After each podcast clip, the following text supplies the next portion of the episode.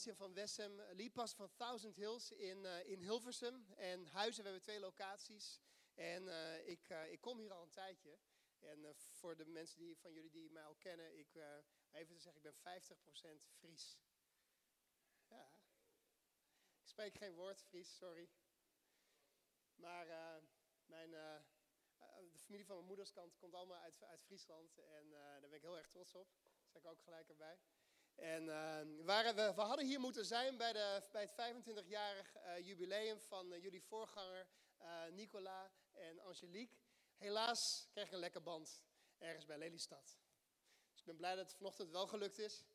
Dat, dat ik niet jullie, ja, helaas niet, dat ik er niet bij had kunnen zijn. Maar dat was echt een beetje een drama. Want ik, uiteindelijk hebben we urenlang vastgestaan bij Lelystad vanwege dat probleem. En kon ik de geweldige dienst die die, het was geweest, hoorde ik, ehm, heb ik die moeten, moeten missen. Uh, maar wat is fantastisch om te zien wat God aan het doen is hier in jullie midden. Laten we, laten we even ook echt een uh, momentje nemen. Ik weet dat ze hier niet zijn, Nicola en Angelique. Maar laten we een momentje van dankbaarheid nemen voor, voor, voor jullie leiders. En, en uh, dat, dat God hen over jullie gesteld heeft. En dat ze zo'n geweldige visie hebben die zo zichtbaar mag worden. Ook in die afgelopen paar jaar. Zullen we ze even een applaus geven?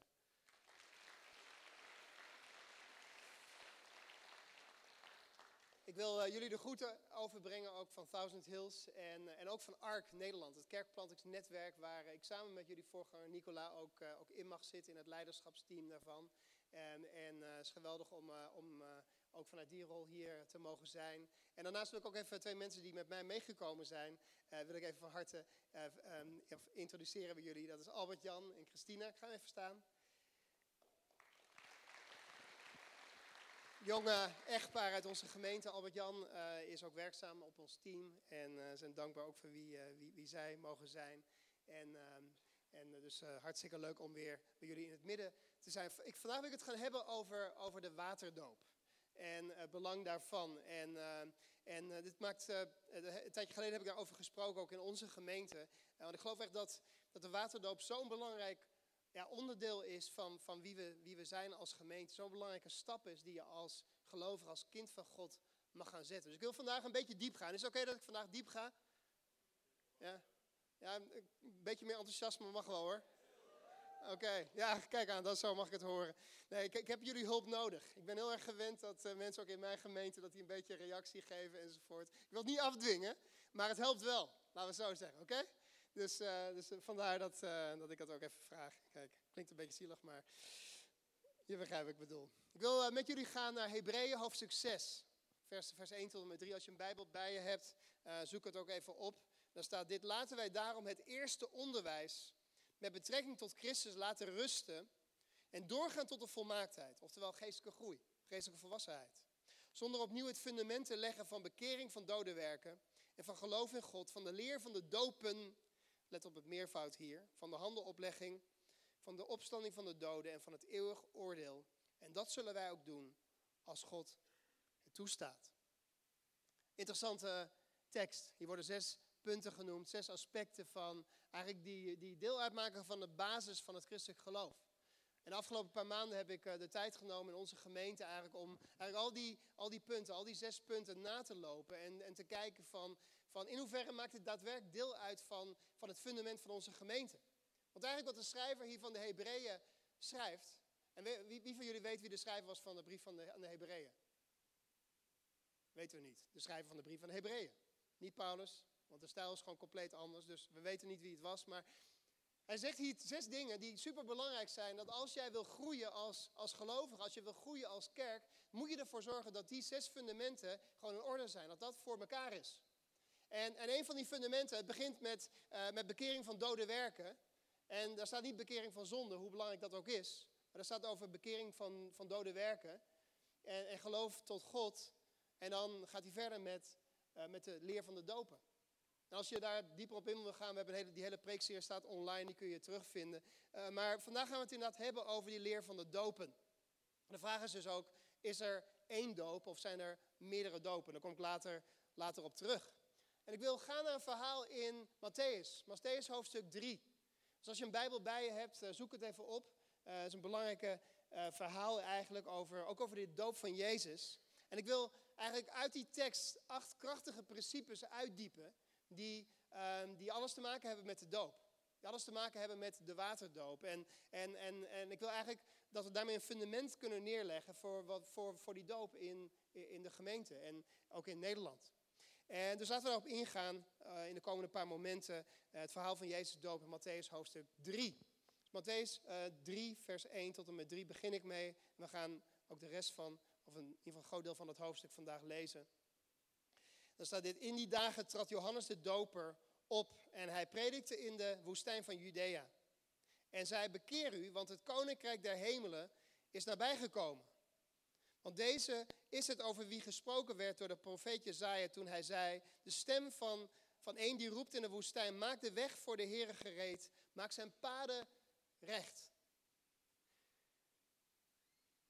Johannes zegt hier nogal wat. Hij zei, bekeer u, want het koninkrijk der hemelen is nabijgekomen. Nou, dan vraag je je af, is dat een boodschap die Johannes zelf verzonnen heeft? Bekeer u. Het koninkrijk van de hemelen is nabij. Nou blijkt als je, als je onderzoek gaat doen, en ik vind het heel belangrijk dat als je de Bijbel leest, dat je de Bijbel leest in de context van weleer. Dat je begrijpt eigenlijk wat er, wat er gaande was in, in, in het Israël van die tijd, eigenlijk in het Judea van die tijd. Dat je, dat je ingaat op, op, op wat de luisteraars van Jezus, de mensen die naar Jezus luisterden 2000 jaar geleden, wat hoorden die op het moment dat zij Jezus hoorden spreken? Of wat hoorden zij toen ze Johannes hoorden spreken, Johannes de Doper hoorden spreken? En probeer dat dan vervolgens terug te brengen naar de context en de cultuur van vandaag de dag. Wat betekent dat voor ons vandaag? Je kunt nooit zomaar een verhaal eigenlijk lezen en eigenlijk alleen maar heel oppervlakkig. Je moet eigenlijk altijd proberen dieper te gaan. Daarom is een studiebijbel ook super belangrijk. Omdat die vaak je helpt om een beetje die context te, te schilderen. Johannes zei, bekeer u, want het koninkrijk der hemelen is nabijgekomen. Weet je, dat is een boodschap die, die niet uniek was voor Johannes de Doper. Dat was een boodschap die in die tijd al door andere Joodse leraren eigenlijk gebracht werd. En dat was de boodschap van het Teshuvah. Teshuvah bedoel ik. De, sorry voor de uitspraak. Dat is Hebreeuws. En, en die boodschap van, eh, dat is eigenlijk een soort van boodschap waarin de Joden zich moesten, moesten terugkeren tot God. Eigenlijk hun eigen geestelijke toestand in kaart moesten brengen. Waar sta ik geestelijk gezien? Hoe, hoe is mijn relatie met God? En, en terug moesten gaan tot, tot hun God met heel hun hart en heel hun ziel en heel hun verstand. Johannes herhaalde die boodschap die heel veel opgeld deed in die tijd. En Jezus deed datzelfde in Matthäus 4, vers 17.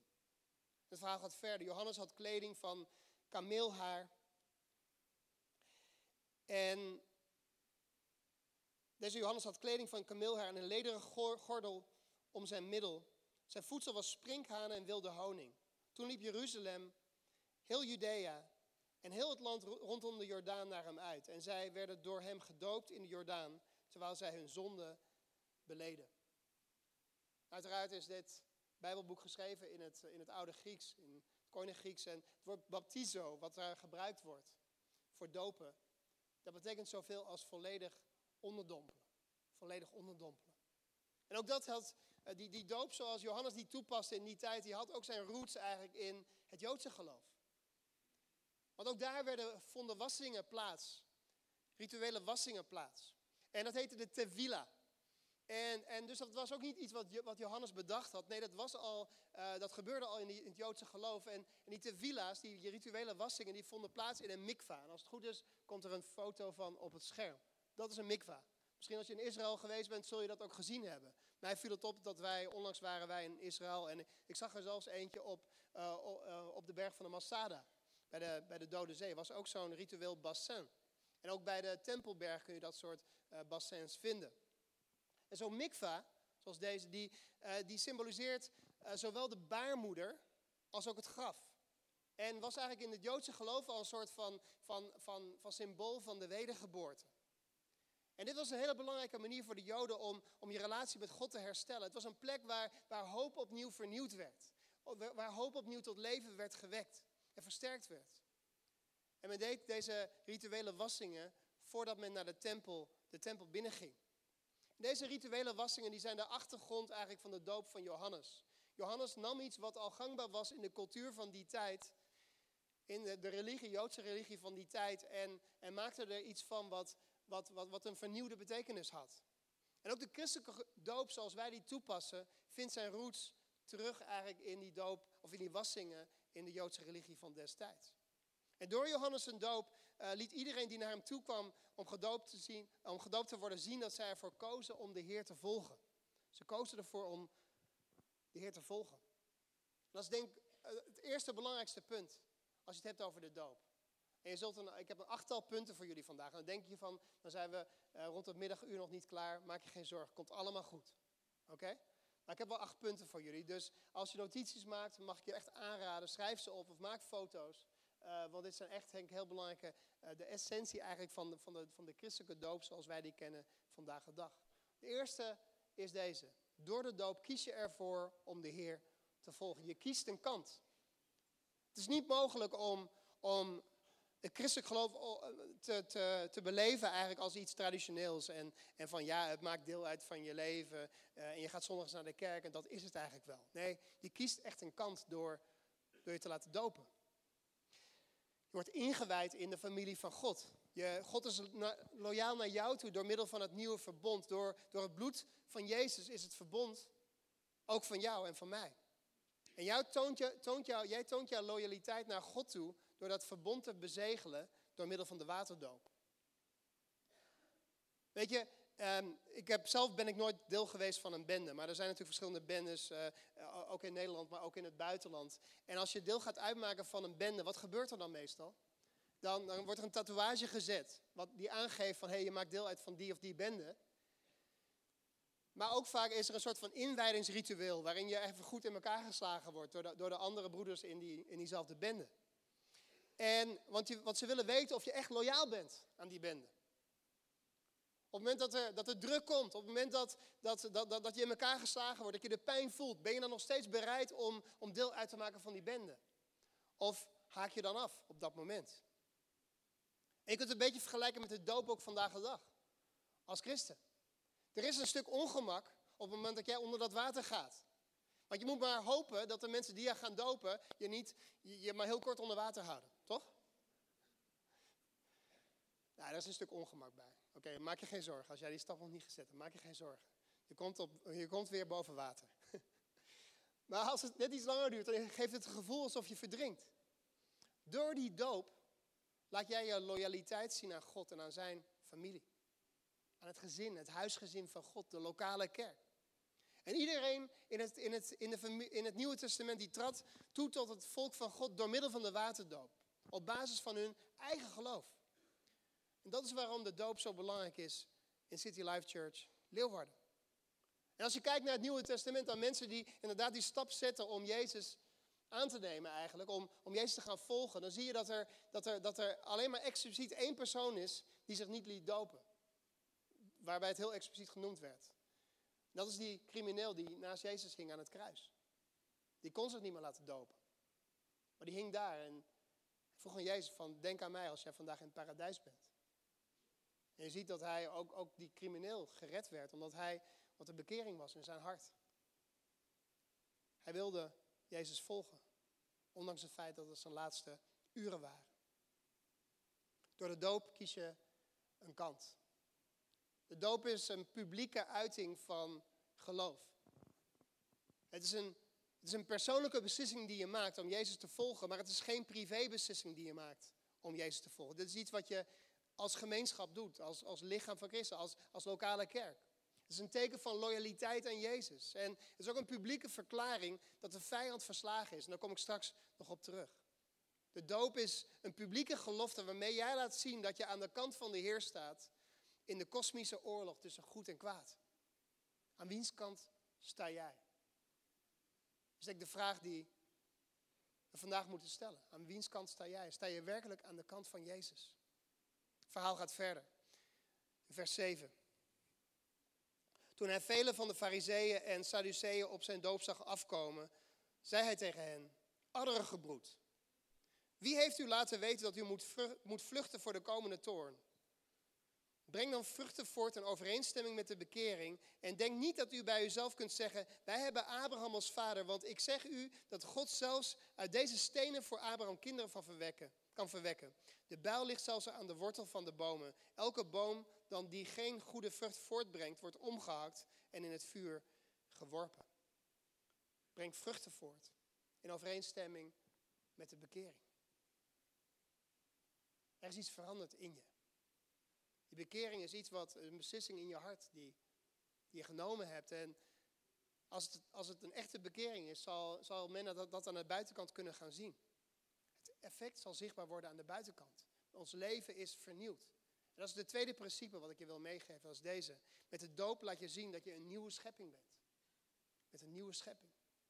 2 Korinthe 5 vers 17 zegt dit. Daarom als iemand in Christus is, is hij een nieuwe schepping. Het oude is voorbij gegaan. Zie, alles is nieuw geworden. Wie van jullie is blij dat, we, dat alles nieuw geworden is? Dat we een nieuwe schepping zijn? Ja, je mag best wel enthousiast worden erover. Want dit is, dit is goed nieuws voor ons allemaal, toch? Kom, laten we de Heer een applaus geven voor het feit dat we een nieuwe schepping mogen zijn. Colossense 2, vers 12 zegt dit. U bent door de doop met Christus begraven, maar door het geloof in de macht van God, die, die ook Hem heeft opgewekt uit de dood, bent u met Hem opgestaan en hebt u nieuw leven ontvangen. We hebben een nieuw leven ontvangen. En als ik zeg nieuw, dan bedoel ik ook echt nieuw. Eh, ik weet niet als je wel eens naar de reclames kijkt. En tegenwoordig kun je er niet meer omheen met YouTube, die tegenwoordig elke 10 minuten, elke 5 minuten in een langere video ook reclame toevoegt, zeg maar. Verschrikkelijk irritant. Ze dwingen je om de, de betaalde versie te nemen. Maar als je die reclames ziet en, en dan zie je, zie je die reclame over die nieuwe auto. En die ziet er wel heel erg mooi uit. Ik hou van auto's, daarom gebruik ik dat als voorbeeld. Die reclame van die nieuwe auto. Alleen, het probleem is, die auto is helemaal niet nieuw. Het is een vernieuwde auto. Er zit misschien een net iets betere motor in. Er zit misschien net een wat, wat, wat uh, ja, uh, brandstofverbruik is net wat beter dan de auto's uh, daarvoor, zeg maar. Of misschien in plaats van dat je, dat je alleen diesel of benzine hebt, heb je, ook, heb je ook een elektromotor erin zitten. Dat is niet nieuw, mensen. Het is vernieuwd. Dat is een groot verschil. Maar wat, wat Jezus ons hier aanbiedt, is iets wat van een totaal andere orde is. Is een totaal nieuw leven die we met, met hem mogen beginnen. Weet je, die auto heeft nog steeds vier wielen. Dus het is niet nieuw. Het is gewoon hetzelfde principe. Net zoals die koets van vele jaren geleden met een paard ervoor. Alleen het is net even iets anders. Een vernieuwd verhaal. Maar wij zijn helemaal nieuw met Jezus. Door wat hij voor ons gedaan heeft. En de doop is dan ook het, eigenlijk het symbool van het grootste wonder dat in het menselijk leven kan plaatsvinden. Er is hoop voor ieder mens. En elke keer als we, als we iemand dopen, laten we dat zien. Is het een getuigenis van het feit dat er, dat er hoop is voor ieder mens. Maakt niet uit van hoe ver je gekomen bent. Maakt niet uit van de zonde die je begaan hebt in je verleden. Er is hoop voor ieder mens. Ook voor mij. En daar zal ik straks nog op terugkomen. Vers 11 staat dit. Ik doop u wel met water tot bekering, maar hij die na mij komt is sterker dan ik. Ik ben het niet waard hem zijn, hem zijn sandalen na te dragen. Hij zal u dopen met de Heilige Geest en met vuur. Zijn wan is in zijn hand en hij zal zijn dorsvloer grondig reinigen. En zijn tarwe in de schuur verzamelen. En hij zal het kaf met onuitblusbaar vuur verbranden. Interessant dat hier wordt gesproken over. Ook over een tweede. Wacht even, dan zit ik even verkeerd te kijken in de tekst. Het is te klein. Hij zal je dopen met de Heilige Geest. Dat is een tweede doop waar we ons naar mogen uitstrekken. Niet alleen de doop met water, maar is ook een doop in de Heilige Geest. En dat is iets wat beschikbaar is voor iedereen. En vaak gebeurt het ook op het moment dat we gedoopt worden in water, dat we ons volledig overgeven aan Jezus, dat we ook vervuld worden, gedoopt worden in de Heilige Geest. Belangrijk om dat te weten. Het verhaal gaat verder in, uh, in vers 13. Toen kwam Jezus van Galilea naar de Jordaan, naar, naar, naar Johannes, om door, om door hem gedoopt te worden. Maar Johannes wilde hem hiervan weerhouden en zei: Ik heb het nodig om door u gedoopt te worden. En komt u naar mij? Maar Jezus antwoordde hem en zei: Laat het nu gebeuren, want op deze wijze past het ons alle gerechtigheid te vervullen. Toen liet hij het hem toe. Johannes, Johannes de Doper had zoiets van: Waarom komt, komt deze Jezus, waarom komt het Lam van God naar mij toe om zich door mij te laten dopen? Ik zou door hem gedoopt moeten worden eigenlijk. En Johannes had best wel een goed punt hier, want Jezus die stond al aan de kant van God. Die had die keuze al gemaakt. Sterker nog, hij had nooit een andere keuze gemaakt dan dat. Was nooit van Gods zijde geweken. Jezus was al een nieuwe schepping.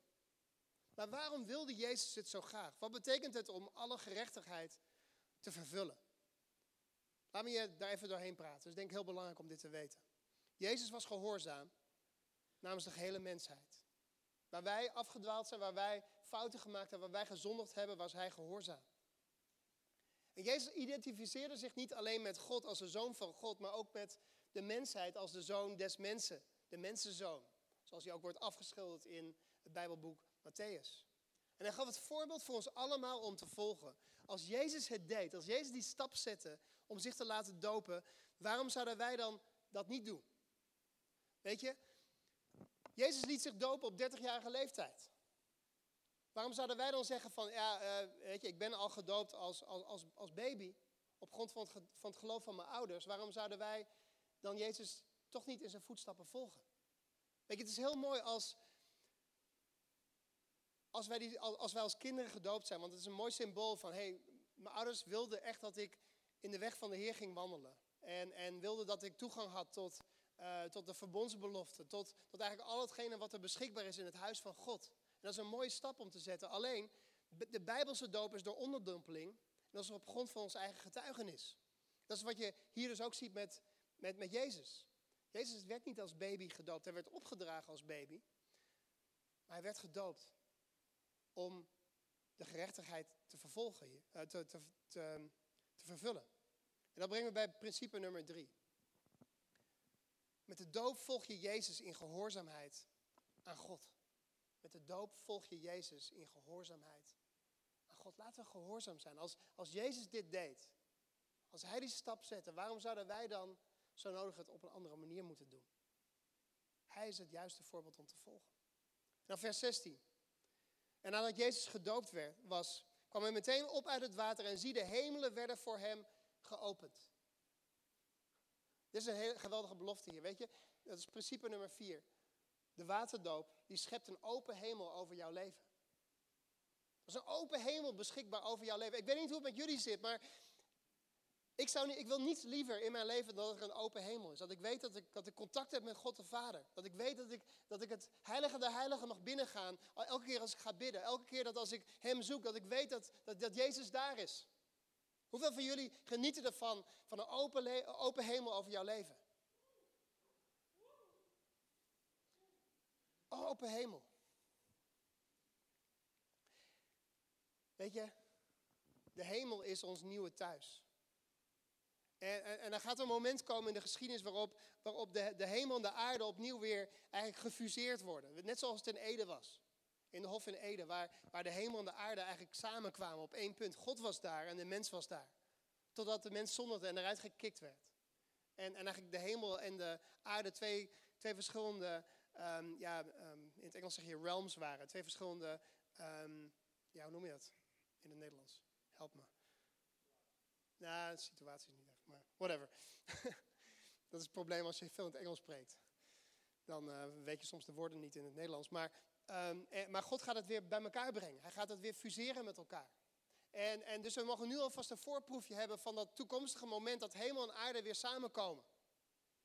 Er is een open hemel die, die beschikbaar is voor, voor, voor ons, voor ons allemaal. De hemel is ons nieuwe thuis. Staat dit in uh, Efeze 2, vers 4 tot en met 6. Maar God die rijk is aan barmhartigheid, had ons innig lief en heeft ons die dood waren door onze overtredingen, door onze zonden samen met Christus het leven gegeven. Aan de genade van God hebt u uw redding te danken. Door onze verbondenheid met Christus Jezus heeft Hij ons samen met Hem opgewekt en ons samen met Hem een plaats gegeven in de hemel. We mogen nu al hemelburgers zijn. We mogen nu al ervaren wat er in de toekomst in alle volheid geopenbaard zal worden aan ons. Weet je mensen, we zijn niet alleen gestorven met Christus. We zijn niet alleen begraven met Hem in dat, dat watergraf van de doop. We zijn niet alleen met Hem opgestaan uit de dood. Wat, je, wat, je, wat gesymboliseerd wordt van het moment dat je weer opkomt uit het water. Maar we zijn ook met Hem opgestegen naar de hemel. Deze wereld, zoals die nu is, is niet meer ons thuis. Dat is de hemel. Hij heeft ons samen met Hem een plaats gegeven in de hemel. En we mogen van die open hemel genieten. Net zoals Jezus een open hemel over hem had. Mogen wij datzelfde ervaren, net als Jezus. En, en de doop is daar een enorm belangrijke stap in. komen we bij Matthäus 3, vers 16. Daar staat dit. En hij zag de geest van God als een duif neerdalen. En op zich komen. Tijdens Jezus zijn doop werd hij gezalfd voor zijn opdracht. De doop in de Heilige Geest volgde direct op de waterdoop. En misschien zie je de, de doop in de Heilige Geest, de vervulling met de Heilige Geest, als, als iets mystieks. Maar laat me je dit vertellen. De doop in de Heilige Geest is iets heel praktisch. Iets waar we heel veel aan hebben. En ook wat denk ik heel erg past binnen, binnen het fase, de fase waarin deze gemeente op dit moment bezig is. Om, werkelijk een verschil te maken in de wereld om jullie heen. Hier in Leeuwarden en de regio. Er is een duidelijk verband te vinden in, in, in het Bijbelboek Handelingen bijvoorbeeld. Tussen de waterdoop en de doop met de Heilige Geest. Meestal volgt de doop van de Heilige Geest op de, de waterdoop of vindt het tegelijkertijd plaats. Heel vaak. Dan brengen we principe nummer 5. Als je met water bent gedoopt, zalft de Heilige Geest je voor de opdracht. Als je met water bent gedoopt, zalft de Heilige Geest je voor de opdracht. Weet je, sommige, en dit, is, dit gebeurt alleen bij ons in, in onze gemeente, het gebeurt hier niet natuurlijk.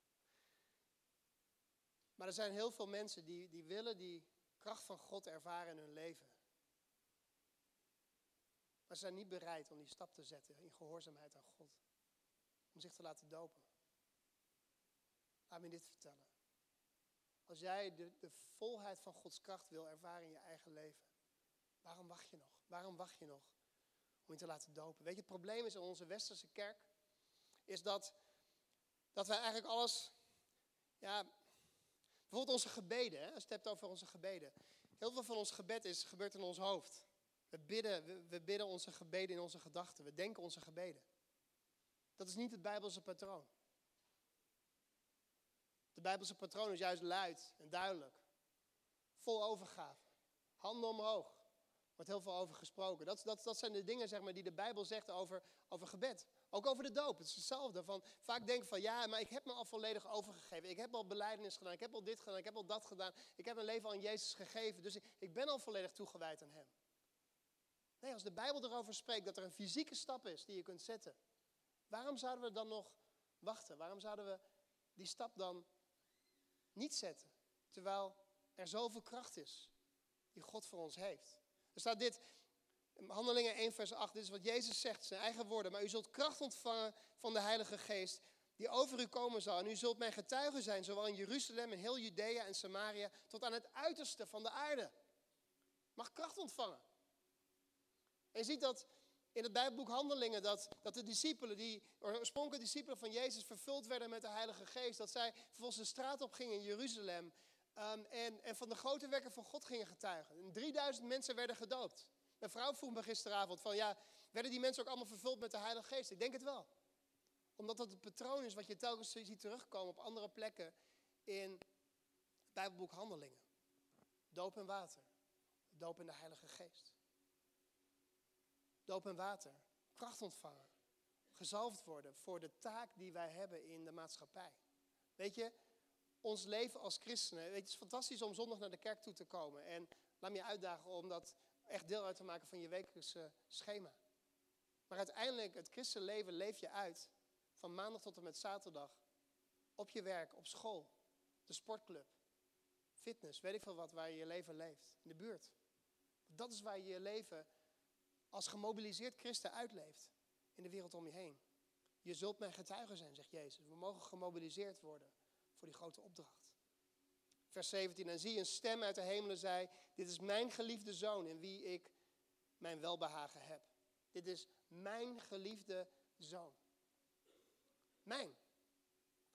Vader en de zoon, die zijn één. We geloven in de drie-eenheid. Vader en zoon en de Heilige Geest zijn één. God, Jezus had Gods autoriteit ontvangen om Gods missie in de wereld te vervullen. In, in Matthäus 28, vers 18 tot en met 20 staat dit. Mij is gegeven alle macht in de hemel en op aarde. Ga dan heen, onderwijs alle volken. Hen dopend in de naam van de Vader en van de Zoon en van de Heilige Geest. Opnieuw de doop. Hun lerend alles wat ik u geboden heb in acht te nemen. En zie, ik ben met u alle dagen tot aan de voleinding van de wereld. Amen. Weet je, Jezus denkt als niemand amen zegt op wat ik zeg, dan doe ik het zelf wel. Amen, inderdaad. God de Vader gaf Jezus zijn macht, zijn autoriteit, zijn gezag. En nu zendt hij ons uit. Nu zendt hij jou en mij uit. En niet alleen mij als voorganger. Nee, ons allemaal. Er, is zoiets als het priesterschap van alle gelovigen. Daar kan ik een hele preek over beginnen, maar daar heb ik de tijd niet voor. We zijn allemaal priesters. We zijn allemaal geroepen om in die macht en in die autoriteit uit te gaan. En een verschil te maken in de wereld om ons heen. En niet alleen door goede daden te doen, maar ook door voor mensen te bidden, voor genezing. Voor mensen te bidden voor doorbraak als ze door een moeilijke periode heen gaan. God wil ons gebruiken. Hij wil het licht van Jezus bekendmaken in Leeuwarden, in elk dorp waar jullie vandaan komen. Door de waterdoop, principe 6, ontvangen we Gods autoriteit, Gods gezag om zijn missie te vervullen. Nummer 6.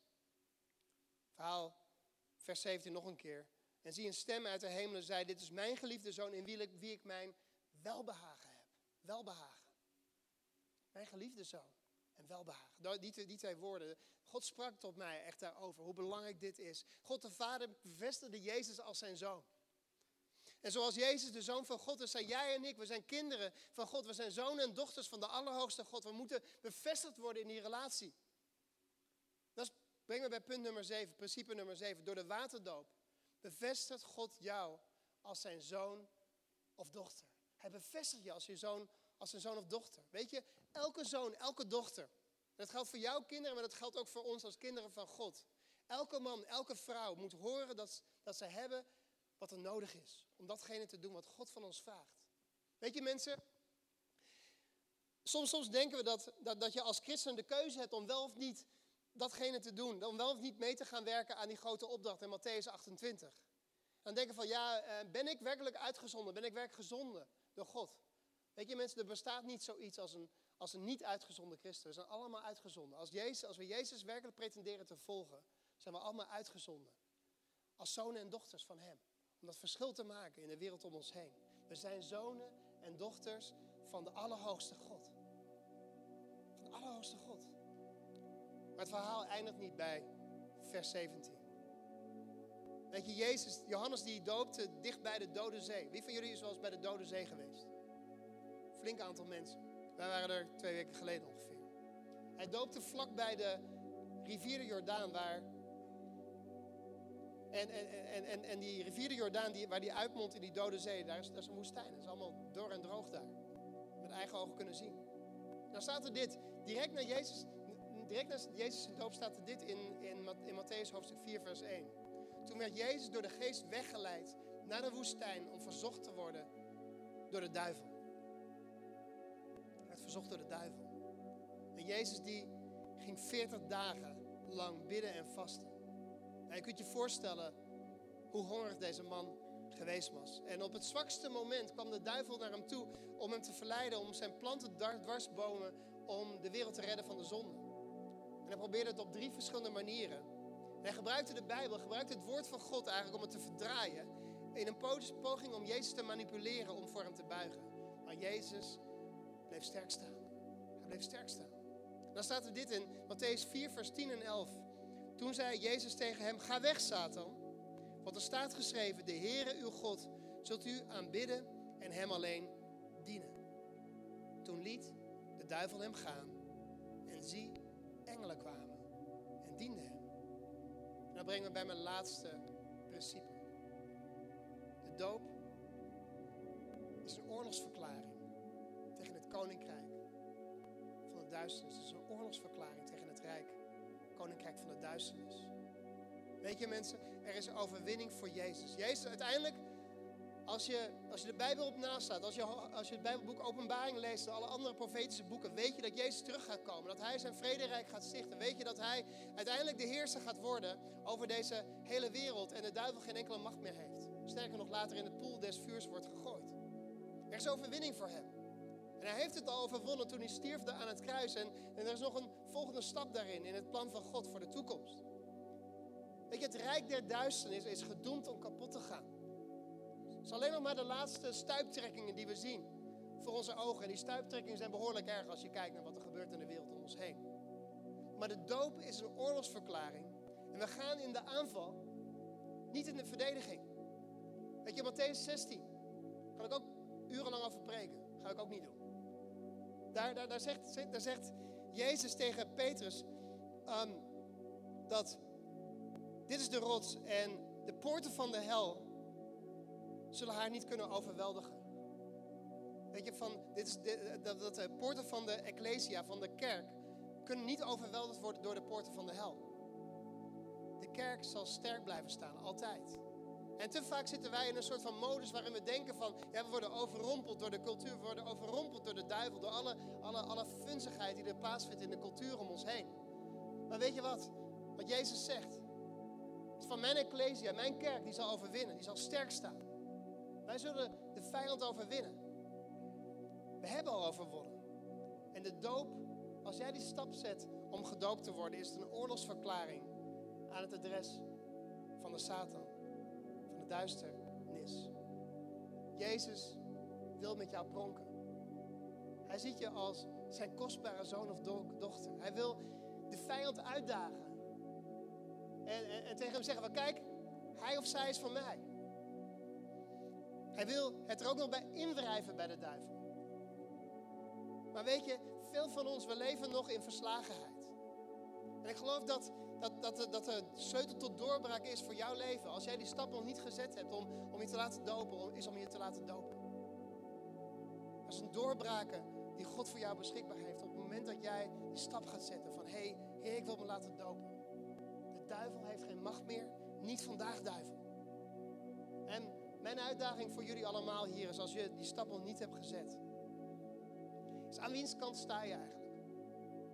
Sta je aan de kant van God of sta je, heb je die keuze nog niet gemaakt? Allemaal zullen we die keuze moeten maken en niet alleen maken, maar blijven maken. Deze zegt ook niet voor niks dat we ons kruis moeten blijven opnemen, dag in dag uit. Neem dagelijks je kruis op, zegt hij. En hoe is dat bij jou, hoe is dat bij mij? Nemen we werkelijk dat kruis op, dag in dag uit? Dat is iets waar, we over, waar jij en ik over na moeten denken. En vervolgens die vraag stellen van, heb ik die stappen gehoorzaamheid gemaakt om het te laten dopen? Weet je, voor mij kwam het allemaal in 1995. Ik ben niet opgegroeid in een christelijk gezin. En ik, uh, ik studeerde uh, economie in, uh, in Amsterdam. Was een hip-hop DJ. Rookte jointjes. Allerlei dingen, zeg maar. Ik was eigenlijk helemaal niet bezig met mijn studie. Zeg, ik studeerde wel, maar ik studeerde eigenlijk niet. Ik was, in plaats van het vierjaarplan zat ik op het zesjaarplan. En op een gegeven moment komt, um, word ik aangesproken, of er is een vriend van me die, die, die me telkens uitnodigt van, of zegt van, hé, hey, weet je, van, je moet iets met Jezus, je moet iets met Jezus. Dat was een christen. En ik denk van, nou, ik, vind, ik vind, het een leuke gast, dus ik laat hem maar praten, maar het deed niks met me. Maar er was, gebeurde was, ik zat op een gegeven moment in de metro in Amsterdam, ik woonde in de Bijlmer. En een studiegenoot van me nodigde me uit naar een dienst van zijn kerk. En ik had een heel mooi excuus om niet te gaan. Ik weet niet hoeveel van jullie hebben eens excuses gehad om niet, niet in te gaan, om uitnodigingen om Jezus te gaan volgen of naar de kerk toe te gaan. Ik denk dat we het allemaal wel gehad hebben. En, en uh, ik zei tegen sorry, ik ga naar, naar Londen toe dit weekend. Dus terwijl ik in Londen was, gebeurde precies hetzelfde. Een, een jonge kerel nodigt me uit in de metro opnieuw om naar een dienst te gaan. Ik zei van ja, sorry, ik woon niet in Londen, maar ik ga erover nadenken. Voor mij was dat de sleutel eigenlijk om, om te weten van hé hey, God, als hij bestaat, probeert hij iets tegen mij te zeggen. Dus ik ging terug naar Nederland en, ging inderdaad naar die kerk toe. En bleef komen. Op een gegeven moment vraagt die vriend van me: hey, waarom geef je je leven niet aan Jezus? En ik gaf mijn leven aan Jezus. Op mijn, ik kan me nog herinneren in mijn kleine appartementje in de Bijlmer. En er gebeurden een aantal dingen en ik kwam uiteindelijk terecht in een, in een andere kerk dan waar ik eerder zat. En de eerste zondag dat ik daar binnenliep, zei de voorganger van: hey, volgende week is er een doopdienst. Ik had mijn leven aan Jezus gegeven en ik wist dat dat de volgende stap was. Dus ik liep, stapte die voorganger af na afloop van de dienst van: hey, ja, ik ben net tot geloof gekomen, mag ik mij ook laten dopen volgende week? En hij zegt van ja, prima. Neem even contact met me op via de telefoon en ik spreek je er helemaal doorheen door, door de stap die je dan, of, wat het precies inhoudt. Legde me dingen uit, vergelijk met wat ik jullie heb uitgelegd vanochtend. En de volgende zondag water in met vier andere mensen. Van die mooie witte gewaden, zo deden we dat vroeger. Dus ik werd gedoopt. En weet je wat, mensen? Er was nog heel veel zonde, nog heel veel troep in mijn leven op dat moment. Want ik was niet langer een, een droge wietroker, ik was nu een natte wietroker. Maar weet je, niet lang daarna, een paar weken daarna, begon de Heilige Geest op mij te spreken van... hé, hey, wat je daar aan het doen bent, klopt niet. Van, Sta je werkelijk aan Gods kant? Die je werkelijk Jezus met je hele hart? Want het ene, op het ene moment zeg je van ja, Heer, ik prijs, ik geloof u. En je bent, loopt met je handen in de lucht in de kerk. En op het volgende moment steek je een joint op. En die een hele andere Heer. Je moet een keuze maken. Welke kant sta je? En niet lang, lang daarna nam ik die beslissing inderdaad om, om die verslaving achter me te laten. Maar de reden waarom ik die overwinning kon halen daarop, was het feit dat ik bewust die keuze had gemaakt aan de kant van de Heer te staan. En bewust die keuze had gemaakt inderdaad de oorlog te verklaren tegen het Rijk der Duisternis. Er is mensen, er is overwinning beschikbaar voor jullie allemaal. Als we die beslissing blijven nemen, inderdaad om aan de kant van de Heer te staan. En, en als je nog niet gedoopt bent, om je te laten dopen op grond van je eigen getuigenis, op grond van je eigen geloof. Er is doorbraak beschikbaar voor jouw leven. Dus laten we onze hoofden buigen op dit moment. Laten we onze ogen sluiten. Vader, we komen tot u op dit moment. We danken u voor, Heer, dat u in uw liefde, in uw genade, Heer, dat u een weg gemaakt hebt door uw Zoon Jezus. Dat wij kinderen van God mogen genoemd worden. Dat wij die stap mogen zetten, dat wij deel uit mogen maken van een, van een nieuw koninkrijk, van een hemels koninkrijk. Dat we afgezanten van u mogen zijn in de wereld om ons heen. Dat we, dat, we dat, diezelfde liefde van u en die genade en, en dat licht van u laten, mogen laten zien in de wereld om ons heen. En vader, op dit moment, Heer, gaan we bij onszelf te raden en stellen onszelf die vraag van, Heer, staan we werkelijk aan uw kant? Staan we werkelijk aan uw kant? En misschien zijn er mensen hier in deze zaal die, die ooit die stap gezet hebben in het verleden, maar eigenlijk afgedwaald zijn. Misschien wel elke zondag naar de kerk toe gaan, maar in je hart ben je afgedwaald van de Heer. Wil je de kans geven om weer terug te komen, volledig terug te komen bij de Heer? Misschien ben je hier vandaag en heb je nog nooit die keuze gemaakt om Jezus te volgen als jouw Heer en Verlosser, om werkelijk aan die kant van de Heer te gaan staan. Ook vandaag heb je de kans om, om dat te doen. vandaag heb je ook de kans om in je hart alvast die keuze te maken om je binnenkort weer te laten dopen. Want er is binnenkort weer een doopdienst. Ook hier. Dus als jij dat bent, als jij zegt van hé, hey, moet die stap zetten naar de Heer. Ik moet een keuze maken opnieuw voor God. Ik moet opnieuw weer aan zijn kant gaan staan. En ik wil inderdaad die oorlogsverklaring geven aan het Rijk der Duizend. Ik sta niet langer meer toe dat, dat hij komt om te roven, om te stelen, om te verwoesten. In mijn leven, in mijn gezin, op mijn werk, waar, op een bedrijf, waar dan ook. En ik, en ik ga staan in die overwinning die Jezus ook voor mij gebracht heeft. Als jij dat bent, terwijl iedereen zijn ogen gesloten heeft, zijn hoofd, gebogen. Maar ik wil heel graag met je bidden. Ik wil heel graag dat jullie in de overwinning mogen gaan staan. In de overwinning van Jezus. Als jij dat bent, steek je hand op. Ik zie een hand daar, dankjewel. Ik denk dat er nog meer mensen zijn die die stap moeten gaan zetten om opnieuw aan de kant van Jezus te gaan staan. Als jij dat bent, wees niet bang. We hebben onze ogen gesloten. Ik zie er nog een hand, dankjewel. Ik denk dat er nog meer mensen, misschien ook boven. Steek je hand op. Ik wil heel graag samen met jullie bidden. Laten we met z'n allen zoon Jezus. Dat hij aan het kruis gestorven is voor mij. Voor mijn zonde.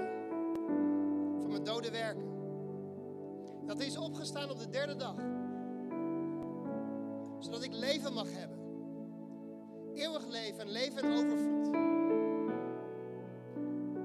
Vandaag maak ik de keuze om aan uw kant te gaan staan.